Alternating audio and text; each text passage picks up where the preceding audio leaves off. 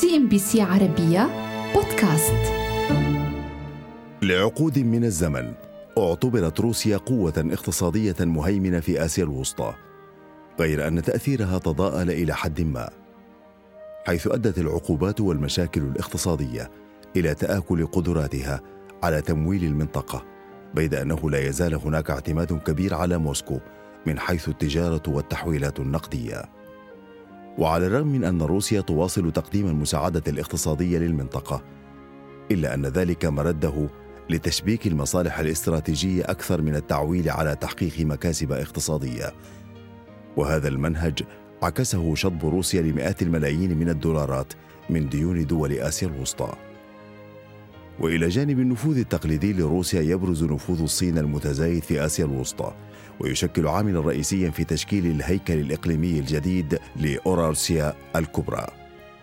زاد النفوذ الصيني في آسيا الوسطى بشكل ملحوظ في السنوات الأخيرة بالنسبة لطاجكستان وكازاخستان وأوزبكستان وكيرغستان وحتى تركمانستان الأكثر انغلاقا. لم تصبح الصين موردا رئيسيا للقروض والاستثمار فقط بل باتت أيضا شريكا تجاريا رئيسيا وعليه فقد سمحت التجارة مع آسيا الوسطى لروسيا بالتعويض الجزئي عن التأثير السلبي للعقوبات الغربية.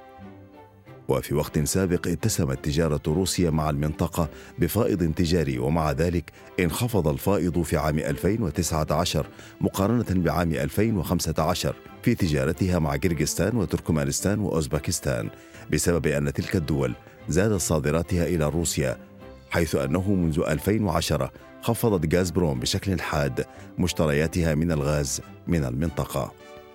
منذ انهيار الاتحاد السوفيتي كانت روسيا تصدر البتروكيماويات والوقود وزيوت التشحيم إلى كيرغستان وطاجكستان بأسعار مدعومة، الأمر الذي اعتبرته الكثير من مراكز الدراسات والبحوث على أنه يأتي في بند المساعدات الاقتصادية لتلك البلدان.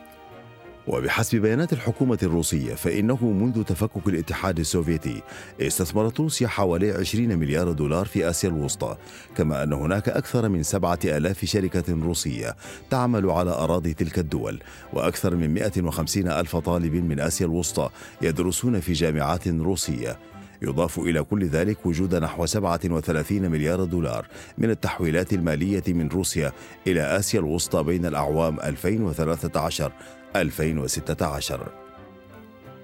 كانت شركات الطاقة هي الذراع الأساسي لاستثمارات موسكو في بلدان آسيا الوسطى، كما استحوذ قطاع التعدين في المنطقة على اهتمام من جانب الصناديق الحكومية المشتركة. وبعيدا عن قطاع الطاقة تعتبر العمالة المهاجرة الآسيوية إلى روسيا من الأمور الحيوية التي لها تأثيرات على اقتصاد دول آسيا الوسطى وخصوصا البلدان مثل غريغستان وطاجكستان وأوزباكستان حيث تشكل تحويلات المهاجرين جزءا كبيرا من الناتج المحلي الإجمالي الوطني وقد مثلت تاريخيا ما يصل إلى 50% من الناتج المحلي لطاجكستان و33% من الناتج المحلي لغرغستان وكانت تحويلات العمال المهاجرين من روسيا تنمو سنويا في الفترة من 2015 إلى 2018 بيد أنها انخفضت بشكل مضطرد في عام 2018 قبل أن تعود للارتفاع مرة أخرى في 2019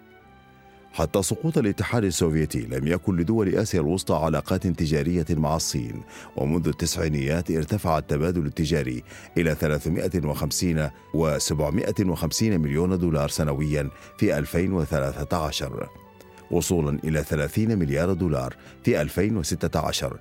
بينما في عام 2014 تجاوز حجم التجارة 45 مليار دولار وبقي ذلك الرقم هو الأكبر خلال السنوات اللاحقة وذلك لعدة أسباب منها تراجع معدل الاستهلاك بالصين وانخفاض الأسعار العالمية لصادرات آسيا الوسطى الرئيسية من وقود أحفوري ومعادن إضافة إلى تزايد أسعار السلع الصينية. كل هذه العوامل تسببت في عام 2015 بانكماش حجم التجارة ولم تستطع الوصول لمستويات 2014 وبناء على ما تقدم تشهد آسيا الوسطى إعادة توازن في مجال ترتيب أولوياتها الاقتصادية مع صعود الصين كواحد من أكثر اللاعبين المؤثرين في المنطقة. ذلك الصعود الذي يعود بجزء كبير منه إلى الشهية المفتوحة للتنين الآسيوي لمصادر الطاقة ذات الاحتياطيات الغزيرة في المنطقة. تعمل بكين على توسيع حضورها الإقليمي بصورة مستمرة من خلال الاستحواذ على حصص متزايدة من موارد الطاقة والبنى التحتية للمنطقة وعبر تقديم قروض. يأتي ذلك ضمن إطار المحافظة على الاستقرار الإقليمي عبر التنمية الاقتصادية وهو الأمر الذي أشار له مركز كارينج للأبحاث في ترصده للمجالات الاقتصادية التي ينشط بها الوجود الصيني في آسيا الوسطى.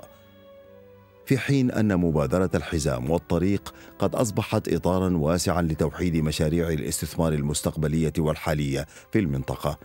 فالتجارة هي ما يقود علاقات الصين بآسيا الوسطى حيث شكلت صادرات الطاقة وغيرها من الموارد الطبيعية الأساس لهذا النمو لتشمل مليارات الدولارات في مشاريع البنى التحتية المتعلقة بالطاقة وبالاستحواذ على أصول الطاقة في آسيا الوسطى.